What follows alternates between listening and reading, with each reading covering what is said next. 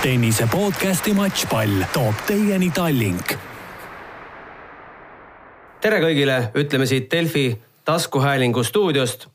tennis spordialana on niivõrd mitmetahuline ja põnev ning Eestile tänu meie tippudele niivõrd lähedale toodud, et leheruumist ja internetist jääb juba väheks. sestap on Delfi otsustanud käivitada tenniseteemalise podcast saate Matšpall.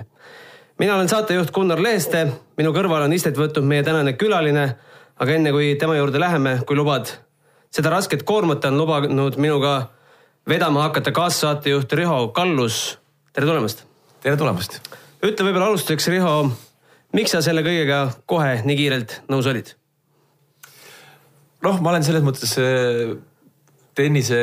tennise fänn ja tennist jälginud juba aasta, aastakümneid, et, äh, et ma olen niikuinii selle asja sees kogu aeg, et äh, mul ei ole selle vastu midagi aga tänane külaline, tutvustame tema, teda ka, Mihhail Lehtmets, tuntud meie Delfi tv tenniseülekannetest. tere sulle ka. tere, tere. enne kui lähme meie nii-öelda põhiteema juurde, mis ma palusin, milleks ma palusin teid mõlemaid siia, naiste tennis. võib-olla Mihhail, paari sõnaga sinust. ega ei olegi ju laiemale avalikkusele teada, kes sa üldse tennise inimesena oled ja kust sinu tennise kompetents pärineb, võib-olla räägid paari sõnaga endast äh,? tänan, kui, kui sa pead mind kompetentseks, aga tennisepisik on mul kolmandast eluaastast sees ja Hiiu tenniseväljakute kõrval ma, ma üles kasvasin ja, ja viieaastaselt seal treeningutel käima hakkasin tõsi, mu treeningud jäid neljateist-viieteist aastaselt äh, teismeeas äh, poolikuks ja, ja peale seda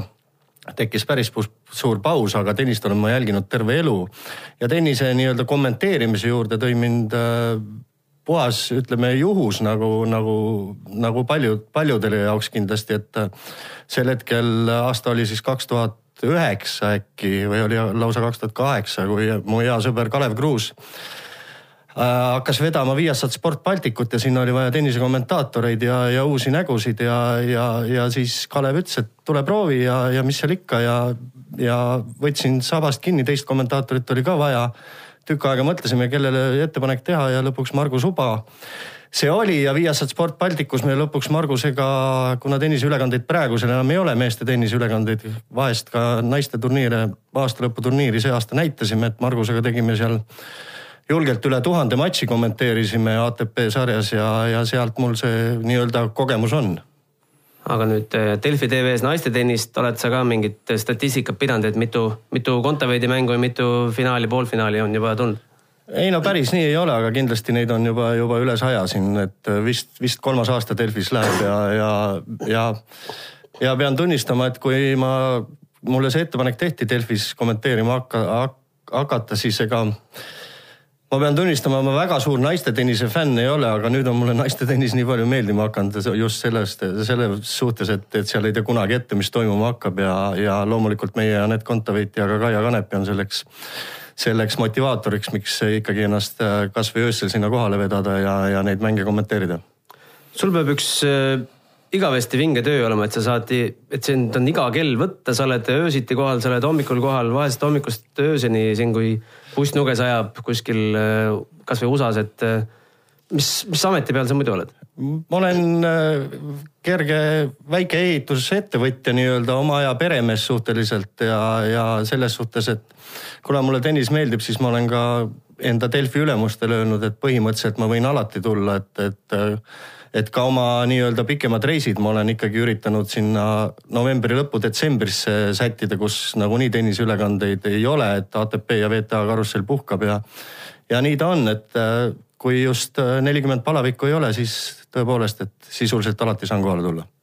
sellest äh, USA turneest oled sina nüüd taastunud selles mõttes, et ajavahe oli päris korralik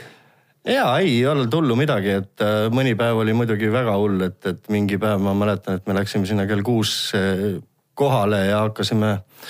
oli meil siis, siis poolfinaalid seal vist naistel teha oli see äkki, äkki Miami või, või oli see Indian Wells, neid on nii palju juba tulnud ja, ja tõepoolest istusime seal, ma jõudsin koju lõpuks kell kuus kakskümmend, et, et seal vihmapausid ja kõik need asjad olid, et siis lõi küll natuke graafiku sassi, aga, aga harjub ära pead ela, hakkama elama samamoodi nagu Anett, et äh, kes läheb aklimatiseeruma, hakkad sina ka kolm päeva ette aklimatiseeruma? no jah, aga põhimõtteliselt ikkagi, ikkagi enamus turniire ju aastaringselt on ikkagi Eesti mõistes normaalsel ajal, et need, need äh, USA-s nüüd ka sügisel Cincinnati'd ja, ja Montrealid, et need võivad minna väga öösse, aga, aga enamus ikkagi ütleme, seitsekümmend, kaheksakümmend protsenti on ikkagi Eesti televaatajatel nii-öelda söödaval ajal. aga enne kui hakkame siin äh, võib-olla naiste tennist analüüsima, siis palju te mehed ise tenniseväljakutele jõuate? Ähm, mina jõuan hetkel äh, vähemalt nädalas korra. käin teisipäeviti paar, paari mängimas Audentases spordiklubis ja ürit-, üritan nüüd rohkem, üha rohkem ja rohkem jälle. et äh, mina pean, pean tunnistama, et ma ei ole, ole tenniseväljakule kolm kuud sattunud õlg on, on valus ja millest ta valus on, ei tea ja, ja praegu reketit käes ei hoia, aga igal võimalusel, kui, kui tervis lubab, ikkagi paar-kolm korda nädalas üritaks mängida nii üksikut mängu, üksikmängu kui kui ka väga kihvti paarismängu ja, ja kevadel ja, ja kui ilmad ilusad suvel, siis liiva peal kindlasti tahaks, tahaks oma tervise korda saada ja ennast liigutada. no ma siit omalt poolt lisan, et siis eh, kord kuus üritan eh, Tallinki tennisekeskuses ära käia, kes eh, muide Tallink ka meil aitab seda podcast'i siin vedada, et äh, hea sponsor meil ka taustaks, et äh, aga kaheksateist äh, WTA turniiri on peetud ja kaheksateist eri võitjat. ajalooline aasta. Riho ja Mihhail, millest, millest need numbrid kõnelevad? need numbrid kõnelevad täpselt sellest, millest Mihhail rääkis, et sellepärast ongi naistetennis nii põnev et kunagi ei tea, mis saama hakkab. aga jah, sellist hetke tegelikult äh, kui vaadata tagasi, ei olegi väga olnud, et äh, alati on olnud ikkagi mingisugused valitsejad. et, et päris, päris pikka aega ei ole, ole sellist, sellist hetke olnud, et kaardid nii lahti oleks nagu, nagu praegu. jah, ma korra segan võib-olla vahele, et peale ütleme, Serena siis äh, lapsepuhkust ja, ja võib-olla mitte nii heas vormis tagasitulekut, no on ka mõistetav, on juba, juba väga soliidses eas tennise mõistes, et, et, äh, et absoluutselt äh, kindlat valitsejat tennises naistel ei ole ja, ja päris aus olla, ega ma väga ei julge öelda, kes see võiks olla, aga kindlasti me seda siin võib-olla saate käigus ikkagi arutame, et, et mõned nimed siin on, aga, aga et saaks öelda nüüd, et, et mingi, meil on seitsmeteistaastane keegi supertalent, et nüüd ta aasta aja pärast on, on siin võtab kolm või kaks Grand Slami, seda, seda mina küll ei julge öelda aga võib-olla kiirelt vuristame need äh, nimed siin ette ka, võite kulmu kergitada, kui teile mõni nimi on üllatus äh, selles kaheksateistkümnes nimekirjas. Karolina Pliskova, Riina Sabalenka, Julia Körges, Petra Kvitova, Sofia Genin, Naomi Osaka, Kiki Bertens, Diana Jastremska, Eliise Mertens, Belinda Bencic, Alison Van Uitvank, Wang Yafan, Bianca Andrescu, Ashley Barti, Karbine Muguruza Madison Keys, Polona Herzog viimati ja kõige viimasena siis Amanda Anisimova Kolumbias läinud öösel. kõik need nii-öelda mittesäravad nimed on ju kõik turniirid võib-olla ikkagi need, need väiksemad internationalid võitnud, et et tõeline üllatuspomm muidugi oli Miami's, kui võitis äh, Andrescu see võib-olla on see kõige suurem üllatus, aga. Andrescu oli Indian Wellsis. vabandust, Indian Wellsis, et äh, tegelikult ütleme, need väga suured turniirid on ikkagi, ikkagi võitnud, noh, ei saa öelda väga kõlavad nimed, aga ikkagi, ikkagi need kõlavamad nimed, äh, mida sa seal ette vuristasid. Riho, mis sa arvad, et nende kõikide nimedega tuleb tänavu arvestada või mõni on siin täiesti komeet? ma ei imesta, kui sinna teisel poolaastal tuleb veel mõni nimi juurde et, et see olukord täpselt selline on praegu. aga Mihhail ütles, et äh, näed siin äh, paari valitsejat ka peidus, et äh, kes tänavu võiksid siin hakata suuri tiitleid noppima ja jagama, et keda sa täpsemalt silmas pead? no eelkõige ma pean silmas, võib-olla see on minu isiklik eelistus ja, ja mulle väga tema mängustiil meeldib tegelikult. ma pean Ashley Bartit silmas, et, et väga mitmekülgne mängija ja, ja mängib väga-väga sellist tennist, mida mängib, mängitakse ka ATP karussellis, et väga palju lõikab palle, väga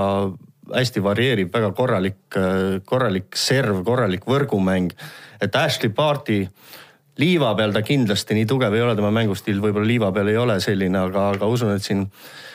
kui nüüd jälle mingisugused vigastused või ei väga segama ei tule, siis ma usun, et tema võiks üks nimi olla, kes siin aasta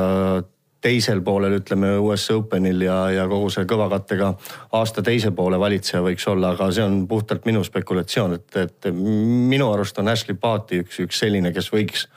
miks mitte võib-olla aasta lõpuks, no kas päris esimene number olla, aga seal top kolmes kindlasti. no Ashley Barti oli ka viimane, kellele Anett kaotas, et äh,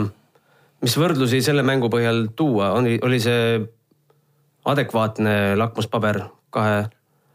naise vahel? no põhimõtteliselt küll, aga vähemalt mulle tundus, et Anett selle poolfinaali jõudmisega oli nii-öelda ennast juba, juba nii palju ületanud, et, et, et tal ei, ei leidunud heas mõttes võib-olla seda, seda tahtmist enam seal edasi mängida, et tema jaoks oli see, see super tulemus juba sinna poolfinaali jõudmine ja, ja minu arust oli see igati loogiline, et, et oleks väga suur üllatus olnud, kui Anett oleks selle mängu võitnud. palju sa, Riho, seda turniiri jälgida jõudsid ja mis Aneti eesistujast arvad? Mul tuli, mul tuli meelde, kunagi oli täpselt sarnane mäng oli, oli Kaia Kanepil, Roland Garrosil oli vist, kas oli äkki veerandfinaalmatš, kus, kus täpselt samamoodi see matš kestis praktiliselt vist algusest lõpuni, ma ei mäleta, kas kaheksa tundi või midagi sellist, neid pause oli nii palju, et noh, seal oli ka tegelikult, kui Anett väljakule läks, alustas, kõik oli justkui ilus, siis jälle paus. see on, see on mängijate kindlasti ülikeeruline ja väga raske, mingi hetk sa tahad ju süüa juba ja mingi hetk sa noh aga ega lõppkokkuvõttes on sul õigus, et äh, tulemust mõjutab, ei mõjutab ikkagi see, kui parem on ju, tugevam on, et äh, et äh, ma arvan küll, et see oli, see oli, see oli väga õige tulemus praegusel hetkel. no need kaks turniiri aitasid siis Anetil teha ka Eesti tennise ajalugu, tõusta mööda Kaia Kanepi rekordilisest viieteistkümnendast kohast neljateistkümnendaks. mida sellest arvata, on siis on siis tõesti Eesti tennise ajalugu tehtud või on pelgalt äh, statistikas hetkel kirja? no minu arvates, äh, see on minu arvates, et see neljateistkümnes koht äh, on küll edetabelis kõvem kui nii-öelda Kaia Kanepi viieteistkümnes, aga Kaia Kanepil on neli WTA tiitlit. Anett Kontaveidil on seni üks international tiitel ette näidata, et selles suhtes ma pean ikkagi veel vähemalt praegu Kaia Kanepit Eesti aegade parimaks naistennissistiks, aga ma usun küll, et, et, et, et see oleks väga suur ime, kui Anett seda, neid tiitleid ka üle ei lööks, et aga, aga praegu on, praegu on üks tiitel ja loodame, et sealt lisa tuleb. Noh, ja see tähendab ka alati see VTA ranking tähendab ju tervet puhast hooaega aastat, et Kaia karjääri jooksul on, on neid hooaegu väga vähe olnud et, et ta on saanud terve hooaja olla terve, ilma probleemideta mängida, võistelda kogu aeg, et, et sealt tuleb ju see VTA ranking, et selles mõttes ma olen, ma olen nõus, et, et see ei ole, see ei ole võib-olla tähtsam kui, kui ikkagi turniiri tiitlid. et nagu Anett ka meie selles äh, matšpalli telesaates ütles, et äh, iga mängija edetabeli koht on ju välja teenitud seda küll, et, et edetabel kunagi ei valeta, aga, aga no see on ka selline selline spekulatsioon, et äh, võtame, võtame kasvõi meeste tennises, et noh, et äh, üks, üks ütleb, et äh, Federer on parem. teine ütleb, et Nadal on parem, Nadal on võitnud rohkem väikseid tiitleid. Federer ongi parem. Federer on võitnud rohkem Grand Slami tiitleid ja, ja, ja noh, see on, see on, tennises saab nagu väga palju asju lugeda, et kes on rohkem aasta e-, esireket olnud või, või, või, või seal ees, aga aga ma usun ikkagi, et, et tiitlid on, on tähtsamad kui, kui see edetabeli koht. et kui siin Karoliina Wozniacki oli väga-väga pikalt esinumber ja ei olnud ühtegi, ühtegi Grand Slami tiitlit võitnud, siis teda nii-öelda päris selleks äh, sinna koorekihti ei loetud, kes läbi aegade on, lõpuks ta selle taaga Austraalia lahtistel murdis ja, ja, ja seda tiitlit ei võta talt keegi ära. Jelena Jankovitšiga oli sama, sama case täpselt. No Anett on siin välja hõiganud eelmise hooaja lõpus selle hooaja eel, et tema eesmärk sel aastal on top kümme. hetkel top kümne viimast kohta hoiab meil Sabalenka kolm tuhat viissada kakskümmend punkti. Anetil kaks tuhat kaheksasada nelikümmend viis. võib-olla see punktivahe polegi nii kõige tähtsam, aga kui reaalseks sina, Mihhail, pead, et me näeme Anetti aasta lõpus top kümnes, et alustuseks tuleb tal turniirid nüüd liiva peal, kus on päris palju kaitsta jah, et äh, võib-olla see nii-öelda praegune edetabel, mida me vaatame, et praegu on ta viieteistkümnes ja et, et äh, et väga tihti nagu eksitakse ka sellega, et vaadatakse, et on viieteistkümnes, mina vaatan alati, alati edetabelit, mis on natuke adekvaatsem, et mida sel aastal täpselt tehtud on. et nii-öelda jooks, jooksvaks ranking us ja seal on ka net kuskil vist sarnane, kas viisteist või kuusteist, et. Et tõepoolest liiva peal on palju punkte kaitsta, aga, aga nagu ma olen kümneid ja kümneid kordi öelnud, ma ei tea, et, et mis siin tulla võib, et see naiste tennis on selline pudru ja kapsad, nagu sa siin ütlesid, need kaheksateist võitjat, et muidugi ma loodan, et ta top kümnes on, aga, aga ma ütlen, ütleks ka nii, et, et, et väga hea meelega raha selle peale ei paneks, et tubli oleks, kui ta selle aasta ka top kuueteistkümnes lõpetaks, oleks, oleks väga hea ma isiklikult eh, isegi rohkem võib-olla kui seda top kümmet ma ootaksin Anetilt, et eh, tuleks ka turniiri võite et, et see võib-olla on isegi nagu noh, tähtsam. et, et, et ma loodan, et ta suudab, suudab sellel aastal ka mõne tiitli võtta ja aga ma korra segan Riot vahele, aga see on, see on jälle aina raskem, sest nagu Anett ütles, ega ta neid international turniire enam eriti mängida ei taha, et, et nii palju on ka neid nii-öelda premeerklassi turniire ja. ja seal on ikkagi sisuliselt kõik, kellel, kellel jalg käsi kannab, on kohal ja, ja neid tiitleid on oluliselt raskem võita kui siin paar aastat tagasi, kui, kui Anett võttis väga palju ka nendest nii-öelda madalamad kategooriate turniiridest osa, et, et seal on see oluliselt lihtsam, kasvõi nagu ehe näide on, et, et Luganost ta pidi alguses minema, aga, aga loobus sellest ja, ja läheb, läheb Stuttgardisse, aga oleme ausad, et äh, Stuttgardis seda tiitlit võita on ikkagi, ikkagi kordades raskem, kui oleks, oleks see nädal Luganos. nojah, nagu ta mingis intervjuus ütles, et treeneriga on äh, tehtud selline otsus, kuna on hakanud suurematel turniiridel niivõrd hästi minema, eks no see on ka mõistetav, kõik rahad ja, ja edetabelipunktid, kõik on seal, seal oluliselt suuremad, et, et kui sa ikkagi võidad selle VTA Internationali, sa pead seal poolfina-, poolfinaali või finaali jõudma, et sa samad punktid, mis, mis premeerklassis võib-olla neljandasse ringi või et, et, et sa pead oluliselt rohkem mängima ja, ja, ja Anett on selle tee valinud ja ju see talle sobib ja, ja kindlasti tema ja treener on sellest, selle koha pealt targemad kui mina ja Riho näete te Aneti mängus hetkel äh, mingit uut taset võrreldes äh, eelmise aasta sama ajaga? mina näen, et, et ta on tegelikult, ta on tegelikult kõiges paranenud, et, et kõik on vaikselt edasi läinud, seda on ka tegelikult treenerid rõhutanud kogu aeg, et, et ei ole ühte relva, mida, mida nüüd arendatakse ja mis on paremaks muutunud, et ta on kindlasti väljakul oluliselt paremini liikuma hakanud, ta on, ta on äh, ta on palju rohkem äh, minu arust äh, ka mängu sees ja psühholoogiliselt äh, suudab nagu ennast väga rasketest olukordadest välja võidelda, et, et mulle meeldib, mulle meeldib seda vaadata, et see on minu arust Aneti puhul, puhul väga positiivne, mis võib olla nagu on kahe otsaga asi, et et eh, noh, hästi palju ma olen vaadanud neid hetki, kui Anett kutsub väljakule oma treeneri. et ühtepidi tundub, et treener talle väga positiivselt mõjub ja kui seda statistikat vaadata, siis peale treenerit väljaku kutsumist tulevad eh, võidugeimid ja võib-olla enne seda ei tule. samas see on võib-olla teatavas mõttes jällegi nagu noh, nõrkus, nõrkust näitav fakt mängija kohta, et, et, et seda poolt peaks ka suutma ise paremini kontrollida, et, et ma loodan, et ta suudab ka selle koha pealt teha sammu edasi, et aga mulle tundub treeneriga koostöö talle väga-väga hästi on nagu mõjunud ja, ja, ja ma alati kõrv kikis kuulan, kui Nigel väljakule tuleb, mis ta talle räägib, et, et see, see jutt mulle väga meeldib, et mis ta, mis ta Anetiga teeb ja tühja juttu ta tõepoolest ei räägi. täpselt, jah. Eh, jah, võib-olla, võib-olla tõesti, et kõik elemendid on tal paremaks läinud, aga kindlasti on ka varu igas elemendis. võib-olla noh, eeskäsi on, on väga hea, aga ja tagantkäi joon on väga hea, kui ta on enesekindel ja hästi tuleb, tuleb välja, siis on see väga valus relv nii meeste kui ka naiste tennises, aga kindlasti, mis minu jaoks on puudujääk ja, ja, ja, ja mille kallal peaks tege, tööd tegema, on need lühikesed pallid, mis sinna võrgu ette tihti kasti pannakse, et ja kui Anett on sunnitud sealt võrku tulema, siis sealt tuleb,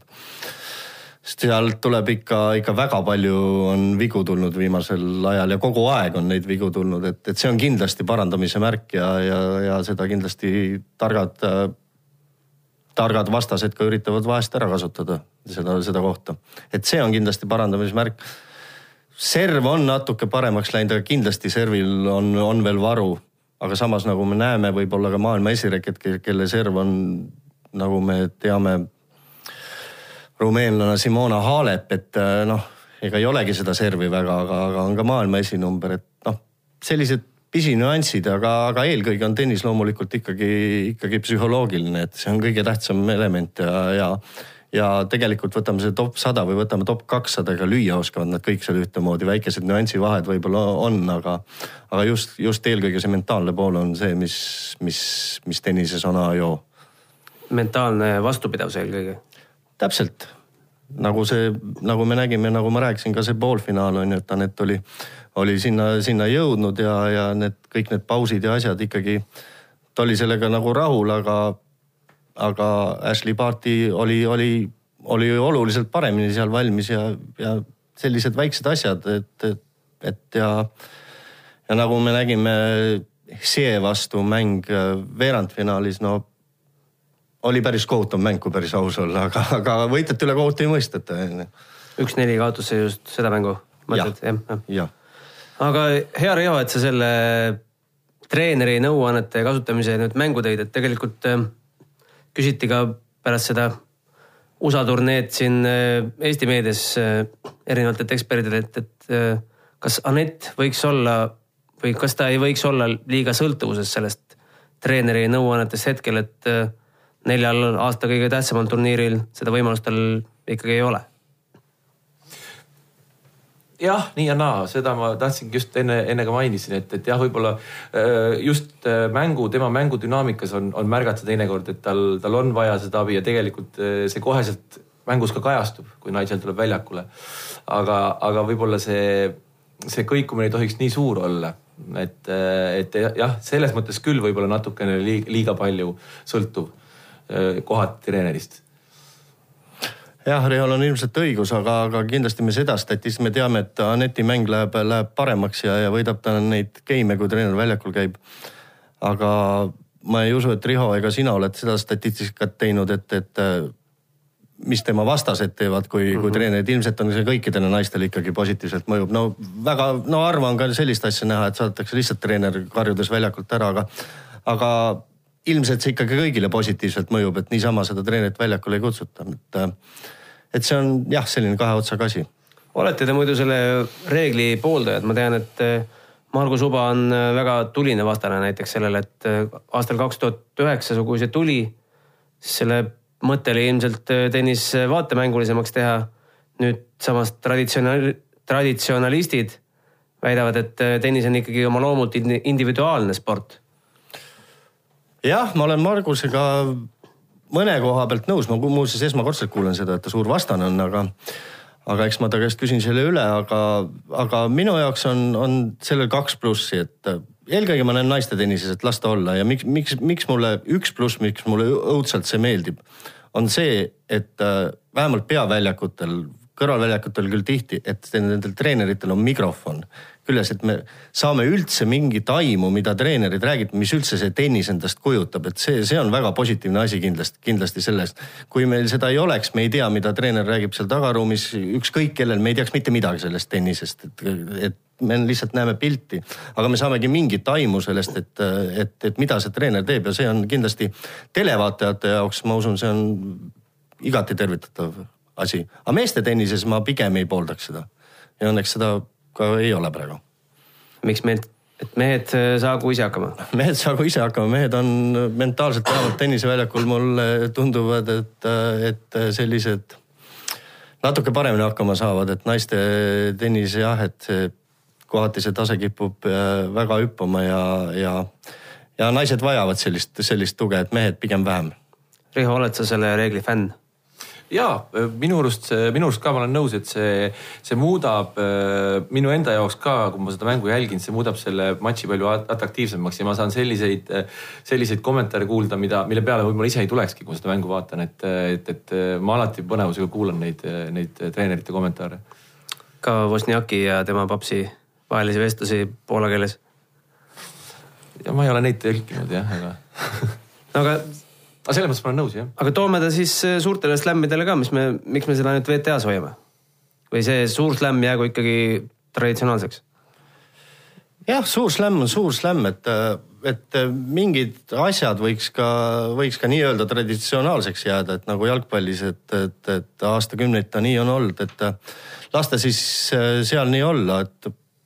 ma muidugi ei näe põhjust, miks ta ei võiks ka suurel slam'il olla, aga, aga kui ta ei ole, siis ma ei. Minu poolest ta võiks seal olla, et ma ei oska selle kohta, kohta midagi öelda, et miks teda seal ei ole. aga, aga ju siis nii suured VTA isandad on, on seda, seda nii näinud ja, ja las ta siis jääb. kas see polnud mitte selles Next Generation aastalõputurniiril tuleviku tähtedele mõeldud, kus nüüd katsetati seda kõrvaklappide ja mikrofoniga kuidagi, kuidagi juhet, juhendamist, et kuidagi kuskilt on kõrvu jäänud mingid sellised süsteemid ka kasutusel? See on pigem sihuke showmäng juba, et see, see, see, see nagu minu jaoks klassifitseerub sinna, et see ei ole nagu tõsine matš enam, et ma, ma pigem arvan, et see, see ei, ei, ei tohiks olla nagu tõsisel turniiril. et Kui... aastalõpu showmängu korraldada mm -hmm. sellises formaadis kuulge, aga paari sõnaga Kaia Kanepist ka, kes ei ole tegelikult ju orbiidilt kuhugi kadunud, me nägin, nägime paari matši seal kaugel Charlestonis. Me ei tea nüüd, mis eelturniire ta French Openi eel teeb ja kas ta üldse sinna läheb, ta pole ju kuskil seda kuulutanud kõva häälega, aga eeldatavasti ikkagi proovima läheb, et mis vormis ja tasemel Kaia hetkel on? minule jättis Kaia väga hea mulje, et ma ei oska küll ühtegi halba sõna öelda, et, et kindlasti kui Kaia tervis on, on korras, oletame, et selle aasta lõikes, siis vähemalt mina pakun küll välja, et, et Kaia, Kaia koht ei ole seal kaheksakümnenda kandis või kus ta praegu on, et, et Kaia mängis väga korralikku tennist ja, ja ja ma küll ei näe põhjust, miks ta ei peaks Prantsusmaale minema, loomulikult ta sinna peale saab, sinna põhitabelisse ja, ja ma ei, ei julge küll öelda, et ta, tal seal halvemini võiks minna kui Anetil, et naiste tennis on selline. Jälle pean kordama seda, et, et selline ettearvamatu asi, aga, aga ma, ma ei näe ühtegi põhjust, miks Kaia sinna minema ei peaks ja, ja kindlasti tema vorm lubab seal kõigile, kõigile kõva lahing anda ja tema VTA ranking kindlasti ei näita tema taset, et seda, ta on pidanud ju nii pikalt äh, väga tarku otsuseid tegema, millal ta läheb mängima, kuhu ta läheb mängima, et tema tervislik olukord on selline olnud, et, et, jah, see VTA ranking kaheksakümmend ei ole kindlasti tema koht. Noh, seitsekümmend üheksa esmaspäevase seisuga. aga French Open ees, äh, noh, liivahooaeg üldse ees, et äh, keda liival pidada naiste tennise suurfavoriidiks, kelle otsa peaksime Pariisis hakkama vaatama? no mulle väga meeldis äh, Charlestoni turniiri finaalis Madison Key, et Keys, et väga-väga korralikku tennist mängis, aga ka väga pikalt vigastustega kogu aeg maadelnud, et, et tema võiks üks nimi olla, aga ma millegipärast arvan, et peafavoriit võiks, võiks Prantsusmaa lahtistel ja, ja kogu liivahooaeg olla ikkagi äh, VTA, ma julgen küll öelda, füüsiliselt kõige paremas vormis olev äh, Simona Halep on minu arvamus isiklikult. Riho kindlasti tahab siin täiendada seda. Grand Slam on, äh, on kahenädalane turniir, et, et, et seal on, seal on, võib, võib ka muidugi esimesel nädalal väga palju üllatusi tulla et, et äh, eriti arvestades praegust seisu, ma olen selles mõttes nõus jah, et Simona on kindlasti väga sihukene väga vastupidav ja, ja just sellist rasket pikka turniiri liival mängida Simonale peaks väga sobima. aga turniiri esimene nädal. kui nad jõuavad teise nädalasse, siis, siis, siis need kaardid laual on juba palju selgemad. Et äh, väga raske öelda no see meie ennustamine on üldse täiesti tänamatu no, töö tegelikult, et äh, võime siin favoriite äh, nimetada kümneid, lõpuks tuleb ikkagi Jelena Ostapenko nagu kaks, kaks aastat tagasi ja. no seda ma julgen öelda, et Jelena Ostapenko see aasta ei tule, vähemalt selle peale ma niisugust kergemat sorti mürki võin võtta, aga, aga tõepoolest no on tänamatu naiste tennisest rääkida, meeste tennisest me võiks Prantsusmaal rääkida Rihoga kahest nimest põhimõtteliselt. Me võiks Djokovicist ja Nadalist rääkida, oled minuga nõus? absoluutselt ma tean, et sa oled suur Federeri fänn, aga Federeri loota, et ta Prantsusmaa lahtised võidab, võidab, on, on natuke, natuke väga sinisilmne. Djokovic ja Nadal esimene nädal komistaksid kui komistaksid kuule, aga kui meeste tennisele juba jutt läks, siis eh, Federer, mis tal on nüüd sada üks tiitlit, fenomenaalne. absoluutselt. Riho räägib Federerist väga hea meelega, ma tean. räägi Rodgeris, kuidas ta, kuidas ta seda teeb, kuidas ta suudab mis ta nüüd pass äh, kõrgelt üle kolmekümne, kuidas ta seda ikka, ikka nagu veel suudab? seda ei tea keegi, ta ütleb, et talle meeldib tennist mängida. see ongi kõige olulisem. tal ei ole midagi vaja enam, tal ei ole tiitleid vaja, tal ei ole raha vaja, tal, tal lihtsalt meeldib mängida tennist ja see ongi kõige suurem, ma arvan, tema edu pant. ja noh, kindlasti see, mismoodi see mees on kogu oma karjääri jooksul, kõik see, mis on tema treening ja turniiridel mängimised ja, ja kogu see, ma arvan, taustsüsteem, mis seal taga on, et sealt on, sealt on väga palju õppida, sellest võiks väga pakse raamatut kirjutada. et äh, noh, ilmselgelt äh, ta, ta ikkagi teeb asju väga targalt ja võib-olla teistmoodi kui keskmine mängija, et, et, et äh, see on fenomenaalne, aga jah, ma võiks ka paari sõnaga rääkida, et minu jaoks on Federer tõepoolest fenomenaalne ja ja väga nauditava tehnikaga ja mis on tema jaoks loomulikult, miks ta need sada üks tiitlit ka võitnud, on see, et ta sisuliselt oma karjääri jooksul vigastatud ei ole olnud. aga see tuleb ka sellest, et tal on selline nii-öelda suhteliselt säästev mängustiil võrreldes kasvõi Nadaliga ja isegi Djokovic'iga, et, et ja, ja, ja, ja, ja see kas ta üht, ühtegi Grand Slami üldse vahele jätnud on, vist, vist ei olegi oma, oma karjääri jooksul, et, et see on, see on minu jaoks kõige fenomenaalsem muidugi, et see mees on nii terve, kui terve olla saab. kas meeste tennis, Mihhail, sinu jaoks on selles mõttes põnevam või, või igavam, et need valitsejad, potentsiaalsed valitsejad on olemas või, või on ikkagi naiste tennis oma ette, ettearvamatuse tõttu põnevam? Nii ja naa, et, äh, et äh, ma pean tunnistama, et kui samal ajal oleks meeste French Openi finaal ja naiste French Openi finaal, ikkagi ma vaataks, vaataks, vaataks meeste, meeste tennist, aga meeste tennis on tõesti ette arva, arvatavam tükk maad kui naiste tennis ja ja minu jaoks on see ikkagi, ikkagi, ikkagi täiesti uskumatu, et, et no ütleme ausalt, et need vanamehed seal ees on ja kui me vaatame, kes seal Prantsusmaal on peafavoriidid, Nadal, Djokovic, vaatame, kes Wimbledonis on võib-olla Djokovic, Federer. USA lahtistel võib-olla Djokovic, Federer, Nadal, ikka me näeme neid kolme-nelja nimesid, lõpuks tuleb Murry tagasi ja, ja võib-olla keegi üllatab seal finaali jõudmisega. aga minu jaoks oleks väga suur üllatus, kui Djok-, peale Djokovic'i, Federeri või Nadali keegi võidaks see aasta veel ühe Grand Slami kui tõenäoline see Murry tagasitulek üldse hetkel on, et ma mingit videot nägin, et Mari tuleb tagasi. selgitas, et tal puus on nüüd äh, metalli täis ja vaikselt sai vastu seina toksida, et. ja minu andmetel Mari peaks kõik korda saama ja ma arvan küll, et ta tuleb tagasi, et äh, ta ei ole, ei ole veel ka ju nii vana, ta on Djokovic'iga sama aasta poiss, kuu aega vanem vist kui Djokovic, et, et ma usun küll, et ta kaks-kolm aastat võib veel rahulikult mängida, kui see puus ikkagi tal vastu peab mm. -hmm. aga noorte mõttes, kelle kelle sa meestest eh, musta hobusena siin välja tooksid, et me näeme siin Tsitsipaseid ja sellised mehed möllavad? möllasid?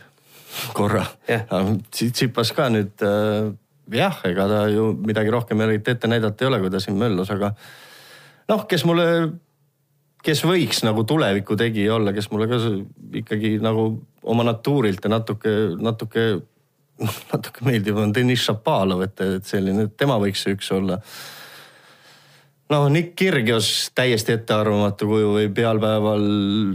Nadalile kaks ja kaks teha ja järgmine päev saab, saab äh, kelle käest iganes kolm ja kolm. tundub sihuke e-, e-, Ernest Kulbis, Kulbise stiilis mees on see Kirgios. et kas ta nüüd stabiilselt hakkaks valitsema, sellesse ma väga ei usu, aga aga võib üllatada. seda ma ka ei usu, aga ma ka ei suuda tõepoolest välja mõelda, et, et kes viie aasta pärast võiks, võiks üldse meeste tennises valitseda. ma kardan, et meeste tennises tekib samasugune hea, võib-olla heas või halvas mõttes tühimik nagu praegu naiste tennises, kui Federer ja Nadal ja, ja Djokovic siin loobuvad, et äh,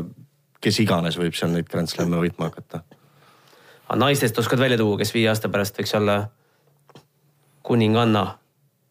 no ma siin ees tõin välja, et Ashley Barti võiks minu jaoks nimi olla, kes mulle veel väga-väga hea mulje jättis Dubais oli, oli Bensits, aga aga, aga nii nagu ta on, et äh, viimane turniir Luganos või kus kohas ta. Luganos esimene ring vist jah? esimene ring oli, oli tema jaoks kohe see turniir läbi ja väga kihvti mängustiiliga, võimas ja, ja sümpaatne naisterahvas minu jaoks, aga aga ka ikkagi suhteliselt ebastabiilne, tema võiks see nimi olla võib-olla, aga, aga ma arvan pigem, et, et võiks siin nelja-viie aasta pärast Ashley Barti, no võiks pakkuda, et võiks tema olla vaadates seda praegu hetkeseisu, siis ma arvan, et seal võib väga palju nimesid olla, keda me praegu ei oska üldse nimetada. Anissimo või, seitsmeteist aastat? ja, et väga noored tüdrukud tulevad ja teevad imeturniire, nii et see tendents tõenäoliselt jätkub naiste tennises. aga võtame võib-olla kiirelt siia saate lõppu veel ka Eesti, ütleme nii naiste kui meeste tuleviku. me oleme pikalt küsinud, millal siin äh, uus Anett või millal see uus Kaia, võib-olla see küsimus ei ole kõige kohasem, aga millal keegi tõuseb sinna, ma ei tea, VTA, mis numbri me paneme, kasvõi kolmesaja sisse, et hakkaks sealt vaikselt tõusma, et uus edetabelisüsteem väga vist ei soosi siin enam äh, peatõstmist. tennis on kõvasti raputada saanud jah, just enne rääkisime nendest muudatustest, et äh, minu, minu arust on tehtud see asi nüüd mängijate jaoks veel raskemaks ja veel keerulisemaks, et, et äh, juba üldse jalga ukse vahele koputada ja saada kätte see VTA punkt või ATP punkt on täna ülimalt keeruline. meie teisel reketil Vladimir Ivanovil, Kennet Raismaal ei ole üldse täna punkti, et, et see, see, see tee läheb üha raskemaks ja, ja just äh, aastake tagasi ma rääkisin Vladimiriga, Vladimir ütles ka seda, et kui ta võrdleb seda, kui ta oli ATP viiesaja hulgas viis aastat tagasi ja on täna seal, et see, see on, see on mägede kõrgune erinevus. konkurents on meeletult tõusnud ja, ja tase meeletult tõusnud. et see noh, unistada, et noh, selles mõttes meil on ikka väga unikaalne hetk, et meil on täna Kaia Kanepi ja Anett Kontaveit. et, et see ei ole nii, et meil iga viie aasta tagant tuleb järgmine selline, see, see on fenomenaalne. Et loomulikult tahaks ja loodaks. ja, ja eriti keeruline olukord on loomulikult meestel sest et eh, noh, meeste tennises eh, tehes Eestis trenni ja elades Eestis nagu läbi lüüa, no praktiliselt ma ütleks, et võimatu. et, et sa pead ikkagi praktiliselt oma koti pakkima ja, ja, ja olema kogu aeg seal, kus need haid on koos kõik, kes seal, kes seal tipus on, et, et võib-olla siis on, on, on, on lootust, aga, et see on, see on, see on väga, see on väga suur saavutus, millega Jürgen hakkama saanud on, et, et, et üldse, kui sa suudad Grand Slamidel meeste tennis ka peale saada et eh, eks paistab, aga loomulikult eh, teistpidi jälle vaadates eh, kogu, kogu süsteem on, on, on selle jaoks loodud viimaste aastate jooksul. meil on väga kõva infrastruktuur tekkinud, meil on väga palju väljakuid tekkinud, meil on professionaalsed treenerid tekkinud, et, et võimalus, kus tulla võiks, neid kohti võiks justkui nagu palju rohkem olla, et, et selle koha pealt jällegi ma olen positiivne ja usun, et usun, et, et keegi võtab vaevaks ja hakkab seda teed käima, mis on muidugi ülimalt raske Mihhail, mis mulje sulle võib-olla need viimased Eesti Fed Cupi ja Davis Cupi matšid meie tuleviku kohta on näidanud? ma pean tunnistama, et Riho on sellel alal kindlasti oluliselt kompetentsem ja, ja, ja rohkem selle asja sees, aga võib-olla ma nii palju lihtsalt, lihtsalt täiendaks, et, et nagu Riho ütles, et, et meeletu konkurents on ja meele, aga meil on nüüd kõik võimalused olemas, aga, aga teades ka mõnda lapsevanemat, et see kõik asi on, on ikkagi ropult kallis, et, et, et seda, seda kõike, seda, seda sealt äh, alates võib-olla ka seitsme-kaheksa aastaselt üles ehitada ja, ja üritavad ju kümned ja kümned tuhanded seda ja sinna Aneti juurde jõuab ju ainult viisteist. et, et äh, see on täiesti ette, sealt võib tulla tõepoolest, Eestist võib tulla Anett Kontovit, me praegu, ma pean tunnistama, et me kas aastat kolm või neli tagasi Margus Ubaga omavahel rääkisime siin mingit Aneti mängu me kuskilt vaatasime, et kas Margus või mina ütlesime, et issand jumal, et see naine ei jõua elu sees sinna Kaia poole ka, et see, ta ei oska üldse, ainult lahmib kõike, kõike palle lööb täiesti jõust, et see on täitsa lootusetu, et see peab, tennisemängu ära lõpetama, umbes niimoodi lõõpisime, aga, aga siin me nüüd oleme ja temast räägime. ma sattusin äh, möödunud nädalal äh, Barcelonasse ühte tenniseakadeemiasse ja siis ma spetsiaalselt võtsin aja, jälgisin, jälgisin meeste treeni, treeninguid, äh, hommikust tennisetreeningut ja pärast seda ka füssitreeningut. ja, ja kaks pool tundi tennist, millele järgnes tund aega füüsilist, et, et kui ma vaatasin, mismoodi need, need mängijad, mis tööd nad teevad ja seal oli parim poiss oli äkki ATP viiesajas või oli, oli siis parim sellest seltskonnast. et kuidas nad kaks pool tundi tennist mängisid, kuidas tund aega füüsilise treener oli stopperiga ainult start-stopp harjutusi ja siis oli väike paus ja siis oli õhtune treening. et äh,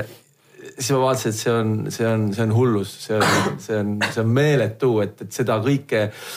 lihtsalt müts maha kõikide nende mängijate ees, kes üldse suudavad seda teha, et see, see on, see on, see on, sa pead olema ikka uskumatult tugev ja tubli, et sa seda jaksad teha enam no.. et, et, et sellist, sellist tööd nad teevad, et see on, see on meeletu. kuule, aga Riho, sa oled turniiride korraldaja, kui nii võib öelda, et päris palju turniire Eestis korraldanud, et tutvusta võib-olla neid turniire, kus eestlastel sel aastal on võimalus ITF-i punkte kasvõi teenida no eestlastel on, võib-olla ma räägin siis ka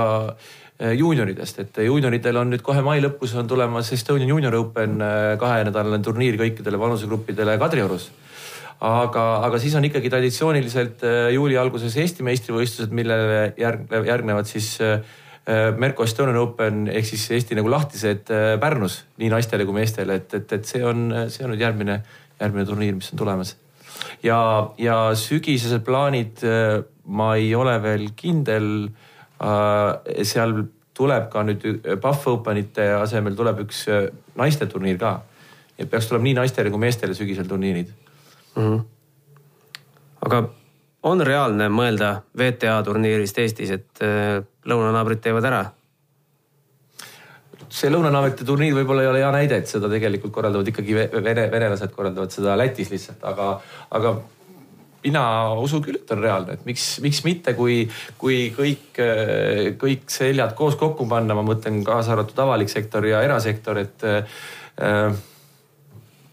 juhul, kui see Eestis saaks toimuma ja juhul, kui meie tippnaised mängiksid, siis see võiks olla päris korralik tennisefestival ja, ja ma arvan, et tribüünid oleks rahvast täis, et äh, see oleks kindlasti väga, väga uhke, uhke asi. Kui sinna veel saaks äh, Aneti või Kaia või? no täpselt, täpselt jah aga noh, loomulikult need on väga suured rahad ja, ja need on, need on nagu mitmeaastased äh, lepingud, et väga-väga pikad sponsorlepingud ja see eeldab, eeldab seda, et sul on pikalt rahalised toetused taga et ITF-iga on asi, asi oluliselt lihtsam jah? noh, see on, see on hoopis teine tase jah, see on hoopis teine tase ja need summad on, summad on kordades suuremad. Aga võib-olla, kui siin äh, saadet nüüd hakata vaikselt kokku tõmbama, siis äh, tutvustame, kuna meil esimene saade, tutvustame, et meil on ka meiliaadress, kuhu saab saata ettepanekuid, küsimusi saatejuhtidele, siis mulle ja Rihole.